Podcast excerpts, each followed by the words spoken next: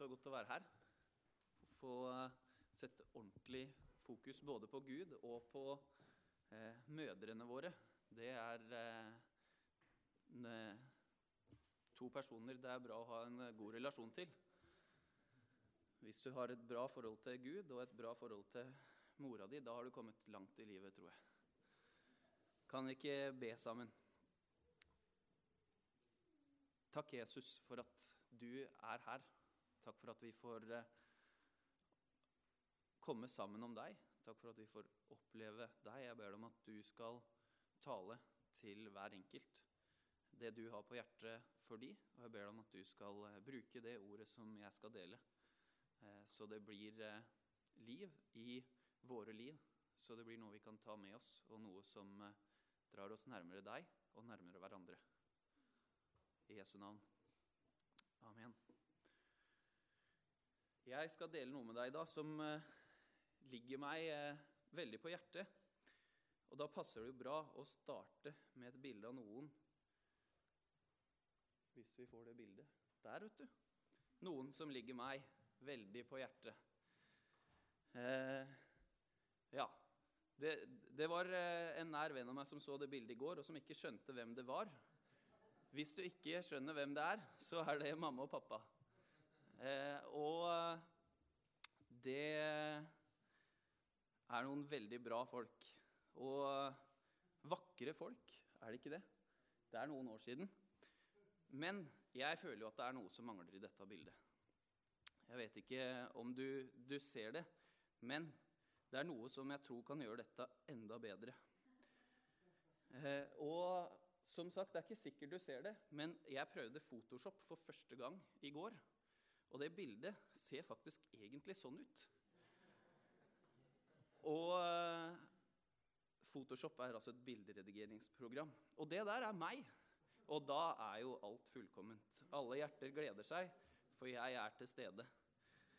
Eh, nei da. Jeg skal snakke litt til deg i dag om å være forelder. Og Vi hørte jo litt her i stad om Eh, at det å være forelder bringer med seg et ansvar. Jeg vet ikke om noen av dere som er mødre, har følt seg sånn som denne dama noen ganger. Når du blir forelder, så eh, endrer kanskje prioriteringene seg litt. Hverdagen ser litt annerledes ut. Plutselig er det et barn som skal ha mat, og ekstra mat du skal lage, ekstra klær som skal vaskes, og bildene henger alltid litt på skrå, for det er noen som har stått i sofaen og lekt med bildene. Og ja, jeg vet ikke om det er så mange som stryker klærne på gulvet, men noe må man jo bruke beina sine til også. Eh, og generelt eh, Ting blir litt annerledes når du har fått barn. Men det er jo ikke bare det, da. Det er jo noe som vi også hørte her, med at det viktigste med å få barn er jo at du har noen å bry deg om, og noen som bryr seg om deg. Noen du er glad i, og noen som er glad i deg. Se for deg dette paret med en gang eh, Jeg gjetta på at det var en datter. Med en gang dattera deres har, uh, har blitt født. Se for deg følgende samtale. Mor sier til far Åh, nå kommer det nok til å bli mange våkenetter. Og far svarer, ja, og sikkert mye grining også. Det er vanskelig å se for seg at de hadde sagt med en gang de hadde fått barnet. Det er jo ikke det du fokuserer på når du har fått barn. Det er jo den største gleden for, eh, for de som blir foreldre, å få et barn. Noen du kan ta vare på. Eh, noen som du skal følge de neste 18-20 åra i gode og dårlige stunder. Eh, og som du får lov til å vise hvordan man kan leve et godt liv, og som du også kan få lov til å være med og peke til Gud. Og selv om det kanskje er noen slitsomme dager innimellom, det har det nok vært eh, hjemme hos oss også, så eh, gjøres nok det meste med glede. Jeg skal ikke snakke så mye om å være en uh, fysisk forelder. Det er det nok noen som kunne sagt mer om enn meg. Uh, for de som ikke veit det, så er jeg ikke en forelder enda. Uh, og, så det skal noen andre få lov til å snakke mer om seinere. Men jeg har lyst til å dele noen tanker med deg om å være en åndelig forelder. Eh, og ikke først og fremst kanskje for dine barn, men det å være en omsorgsperson for eh, et annet menneske. Og med spesielt fokus på eh, å dele troen sammen. Eh, å leve sammen med noen andre, eh, tett på hverandre, i troa på Jesus. Og åndelig forelder, det høres nesten ut som du må være veldig gammel for å være det. Men det tror jeg ikke du må. Om du er her og er 13 eh, år eller 17 år eller 40 år eller 70 år, så kan du være en åndelig forelder eller en som viser omsorg for noen som ikke har kommet like langt i troa som det du har. Vi skal eh, gå til Bibelen og se litt hva den har å lære oss om å være en åndelig forelder. Paulus og Barnabas er i menigheten sin i Antiokia. Kanskje omtrent sånn som vi er nå. Det står i hvert fall at de var i bønn sammen med noen andre som var profeter. Og eh, så sier Den hellige ånd, eller Gud, til dem Ta Eh, ut for meg Paulus og Barnabas til den tjenesten som jeg har kalt dem til. Og etter at de har bedt for Paulus og Barnabas, så eh, begynner de å legge ut på reise. Og først så drar de den grønne ruta. Jeg vet ikke om dere klarer å se fargene der, men den korteste ruta eh, fra Antiokia i Syria over til Kypros og litt inn i dagens Tyrkia og tilbake igjen. Og når de har kommet tilbake, så må de ut igjen. Og denne gangen så blir de kalt til Europa. Det er den blå linja eh, hvor de eh, drar inn til Europa, eller gjennom hele Tyrkia, til Europa og ned til Jerusalem og tilbake. Og da, på denne andre misjonsreisa, så er det Paulus grunnlegger menighetene som, eller mange av menighetene som vi ser at han skriver brever til i Det nye testamentet. Vi har jo brevene til galaterne og filipperne, tessalonikerne, Korint og Efesus er de pilene som jeg har eh, streka ut der.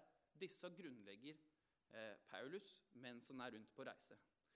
Og Når han kommer tilbake, så tar det ikke lang tid før han igjen legger ut på reise, for nå må jo alle de menighetene han har startet, må han sjekke hvordan det går med. Og Da er han på sin tredje misjonsreise. Og ikke nok med det, når han kommer til Jerusalem etter den tredje misjonsreisa, så blir han arrestert og må ut på en lang båtreise som ender i Roma. Og mange tror at eh, Paulus også havna opp i Spania og dro tilbake igjen til Tyrkia og så til Roma en gang til. Du, jeg tenker på disse alpinistene og langrennsløperne som klager over mange reisedøgn. Men hvis du tenker på at Paulus i en eh, ca. en tiårsperiode så var han jo nesten aldri hjemme.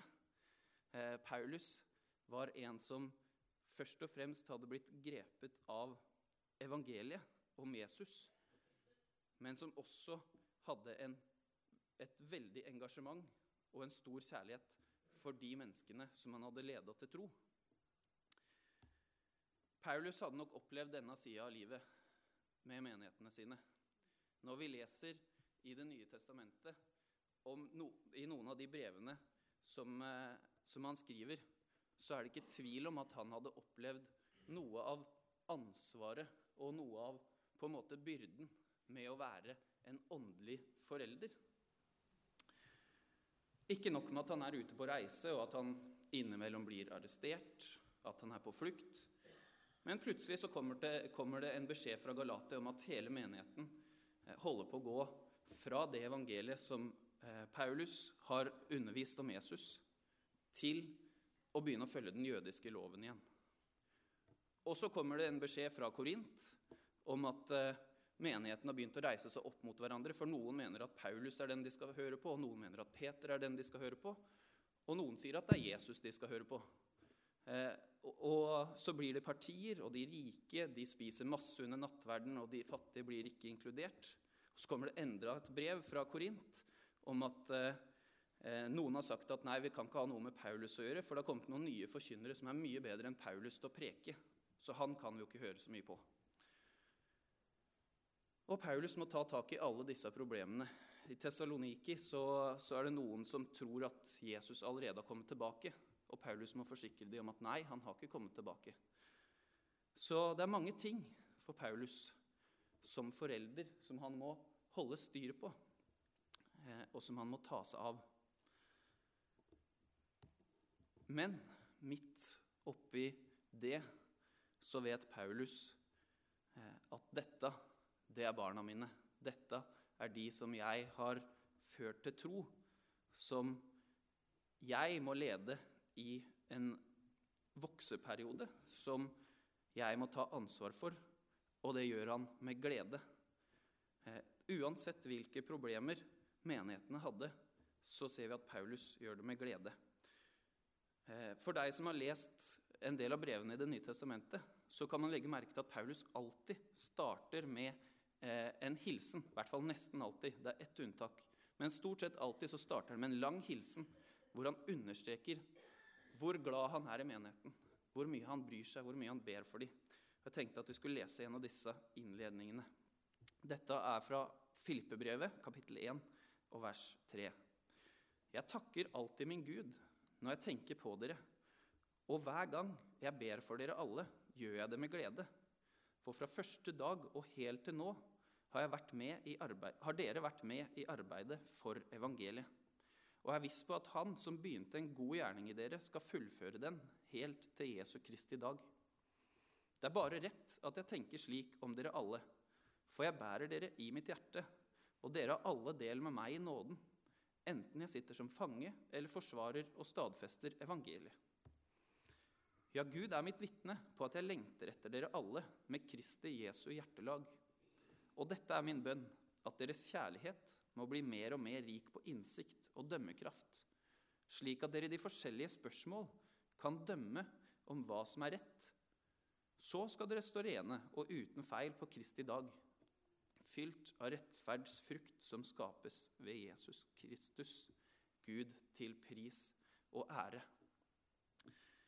Det var mange ting, og jeg skal ta ut noen av dem. Men det som vi ser så tydelig, er at før Paulus kommer inn på noen som helst undervisning eller rettledning, eller hva han syns om eh, hvordan det har gått med menigheten i det siste, så handler det om kjærlighet. Så handler det om å si vi står sammen. Dere er mine barn, de jeg har ført til tro. Eh, og han bygger rett og slett relasjon med menigheten sin. Han opprettholder eh, en god relasjon med menighetene. Han sier 'jeg takker alltid for dere'. Jeg ber for dere, og ikke bare ber han for dem. Noen ganger så kan vi jo be for folk så, eh, fordi de trenger det, men jeg ber for dere med glede. Jeg bærer dere i mitt hjerte, og jeg lengter etter dere med Jesu hjertelag. Det var en grunnleggende holdning for Paulus, som vi noen ganger tenker på som denne store apostelen som fikk det så mye, og det gjorde han jo. Men det var en grunnleggende holdning. Han elska menighetene sine. Han elska folka som han hadde ansvar for. Og det var ikke bare et ansvar, det var ikke bare en oppgave for ham, men det var mennesker som han hadde lært å bli glad i. Og dette tror jeg er en grunnleggende holdning når vi snakker om å være åndelig forelder, når vi snakker om å ta vare på noen, om å gi det Jesus. Det handler om først og fremst å vite, eller å vise Jeg er glad i deg. Jeg bryr meg om deg. Jeg ønsker det beste for deg. For at vi skal kunne komme gjennom til den neste generasjonen med evangeliet om Jesus, så må den neste generasjonen vite at vi bryr oss om dem. Hvis ikke blir budskapet et veldig tungt budskap hvis det ikke er fortalt i kjærlighet eh, og med et engasjement og med et ønske om å stå sammen og om å ha kjærlighet til hverandre. Men Paulus hadde et mål med denne kjærligheten. Det var ikke et mål å bare ha en god relasjon og stå sammen med menighetene. Men han hadde et mål, og dette var jo det siste vi leste i stad. Dette er min bønn, at deres kjærlighet må bli mer og mer rik på innsikt og dømmekraft, slik at dere i de forskjellige spørsmål kan dømme om hva som er rett. Så skal dere stå rene og uten feil på Kristi dag, fylt av rettferdsfrukt som skapes ved Jesus Kristus, Gud til pris og ære. Som sagt, det var ikke et mål bare å ha en god relasjon. Det er veldig fint å ha en god relasjon med noen, men målet for Paulus var jo at hver og en i menigheten skulle leve nært Jesus. Skulle få oppleve hvem Jesus var, og til syvende og sist kunne stå foran Jesus på den siste dagen eh, og være funnet i han, og være funnet rettferdig. Dette var det det handlet om for Paulus, å gi evangeliet videre til de som han var så glad i. Sørge for at de som hadde hørt evangeliet, forble i troen på Jesus, levde nær han. Å peke på Jesus, det handler det om for oss også. Og hvordan kan vi peke på Jesus for den neste generasjonen, for de som vi skal være mødre og fedre for? Vitnesbyrde. Når jeg ser utover salen her, så er det mange som, eh, som jeg kjenner, som jeg har hørt delt opplevelser med Gud, delt hva Gud har gjort i livet deres. Men det er mange som jeg ikke har hørt også. Og jeg tror vi trenger at de historiene kommer fram. Den neste generasjonen. Eh, og for mange her så er jeg den neste generasjonen, og der kommer en generasjon etter meg. Vi trenger at historien om hva Gud har gjort, kommer fram. Vi trenger, eh, og de som kommer etter oss, trenger at vi deler hva Gud har gjort i våre liv. Og noen ganger kan det føles stort for oss, noen ganger kan det føles eh, mindre. Men jeg er sikker på at det er mange her som kunne delt personlige opplevelser der hvor Gud har gripet inn i livet. Og jeg tror at den neste generasjonen trenger å høre eh, de historiene, sånn at de også kan se at det er et levende liv sammen med en levende Gud. Bibelen og bønnen. Vi kan lese Bibelen, og vi kan be. Det vet vi at vi skal. Men kanskje vi noen ganger kunne åpne Bibelen og be sammen med noen som er i generasjonen under oss, eller som er noen år under oss, eller som kanskje er helt nye i troa. Og dele dette fellesskapet som vi har med Gud, i Bibel og bønn sammen med noen. Åpne hjemmet vårt på en onsdagskveld og begynne å lese Bibelen og be sammen.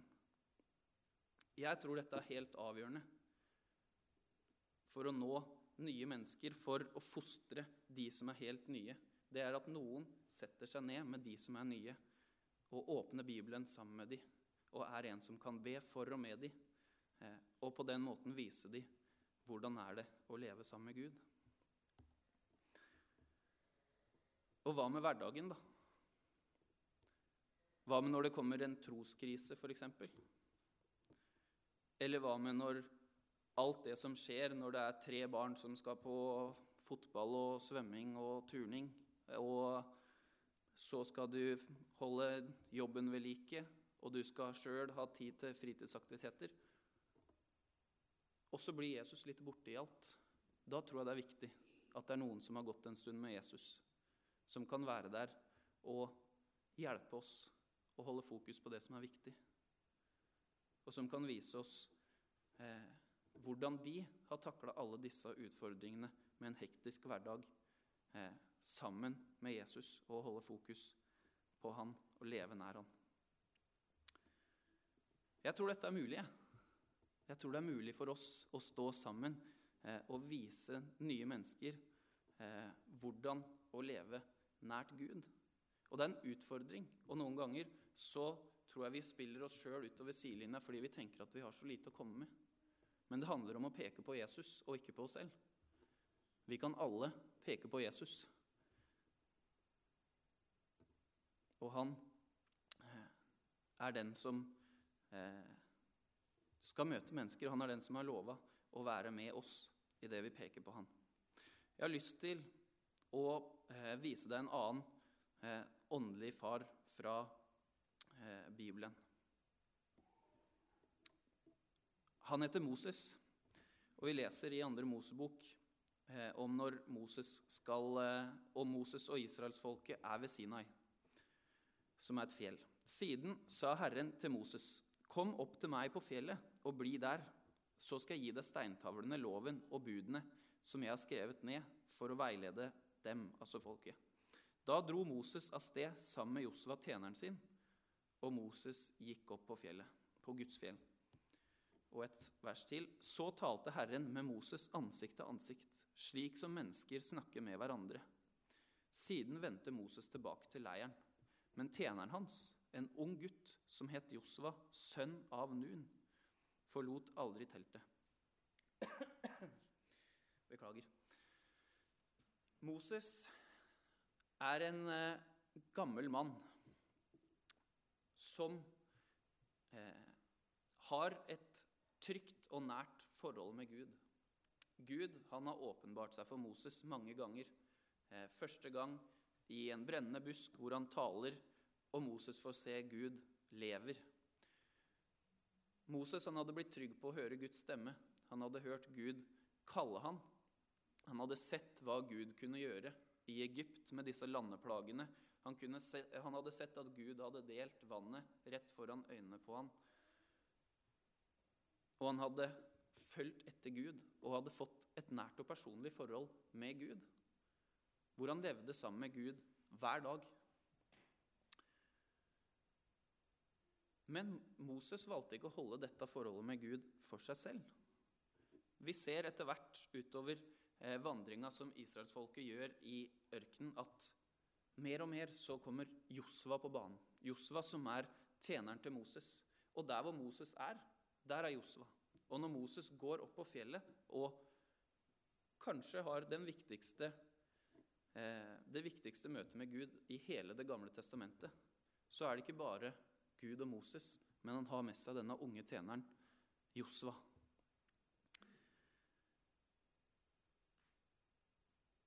Så Moses inkluderte den neste generasjonen i sitt fellesskap med Gud. Den levende relasjonen som Moses hadde med Gud, ville han at Josva også skulle videreføre, skulle ha med seg. At han skulle se at det var et fellesskap med Gud som han også kunne ha. Og Josva tente jo på dette. Moses, som vi leser i det siste verset her, han gikk hver dag fram og tilbake til teltet der hvor Gud sa at han ville åpenbare seg, eh, og prate med Gud for å høre hva, hva, han skulle gjøre i forskjellige saker. Men det står Josva forlot aldri tempelet. Josva hadde fått smaken av et levende gudsforhold. Av at det var godt å være i Guds nærvær. Av at der hvor Gud var, der ville han også være.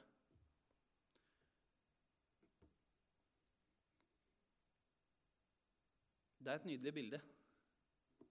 En eldre mann som tar med seg sin yngre medvandrer i ørkenen framfor Gud for å lære han Gud å kjenne.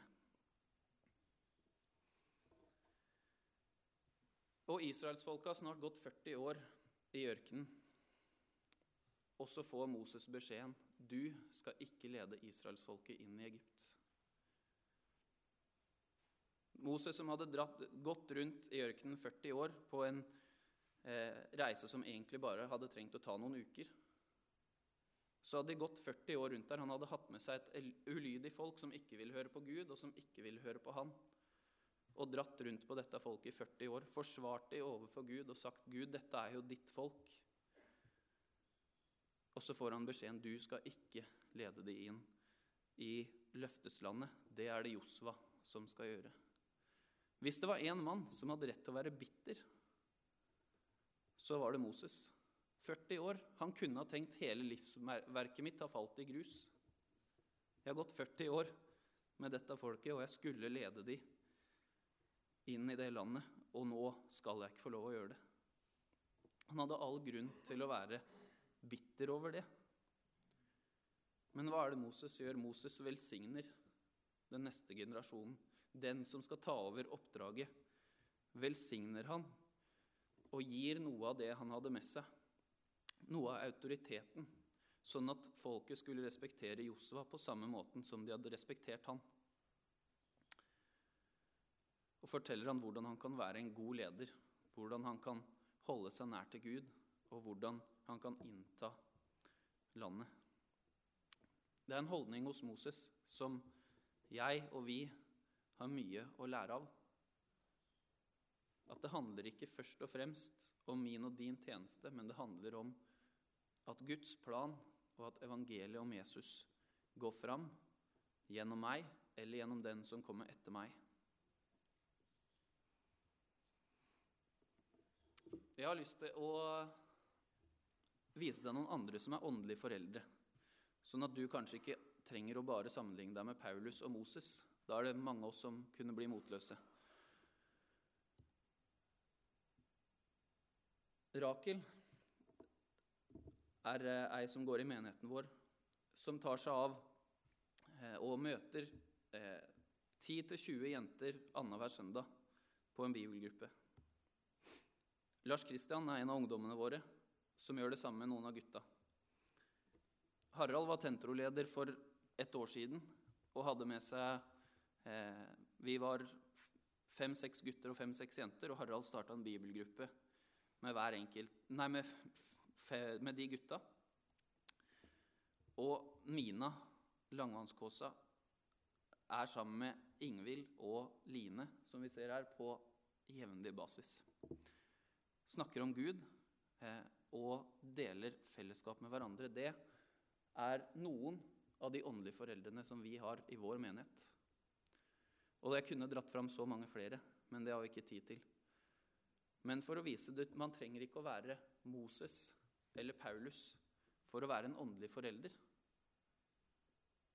Dette er mennesker som bare har valgt å si 'jeg setter av én dag i uka' eller én dag annenhver uke på å være sammen med noen som er yngre enn meg, eller som har eh, som, Det kan jo også være eldre folk, for den saks skyld, men, men noen som trenger at jeg kan være en som hjelper dem videre i troa på Jesus. Dele fellesskap med dem, svare på spørsmål og utfordre dem på å leve med Jesus i hverdagen. Jeg oppfordrer hver enkelt av oss til å gjøre det samme.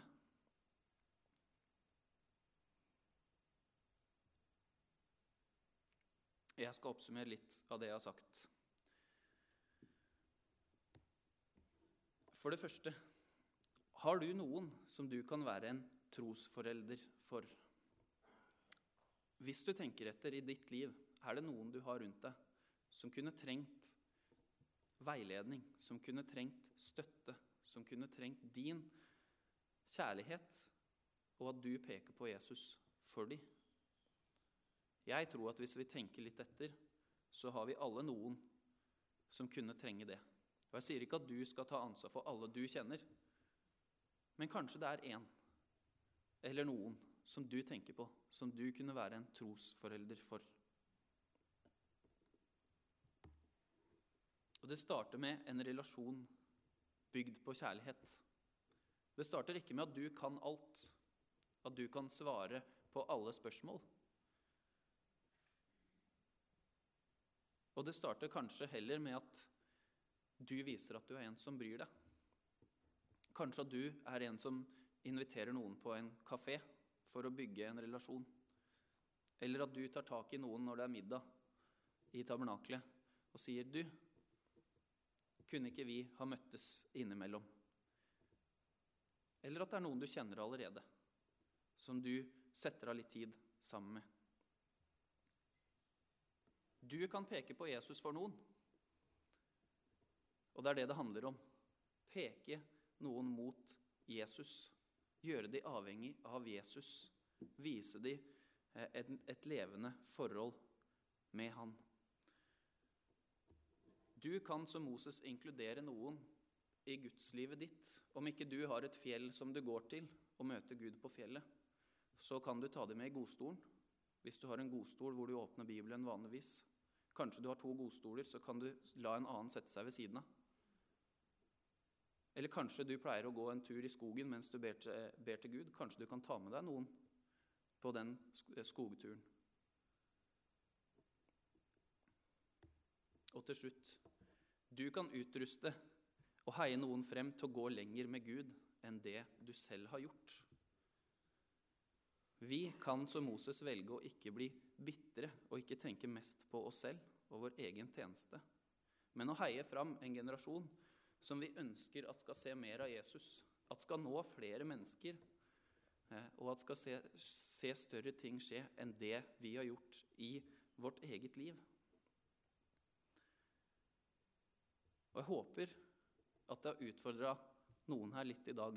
Jeg håper at du kan tørre å ta steg, og at dette kan bli noe som har noe å si for deg i din hverdag. Og så håper jeg at eh, jeg har oppmuntra deg til å si at alle som tror på Jesus, kan være en trosforelder for noen.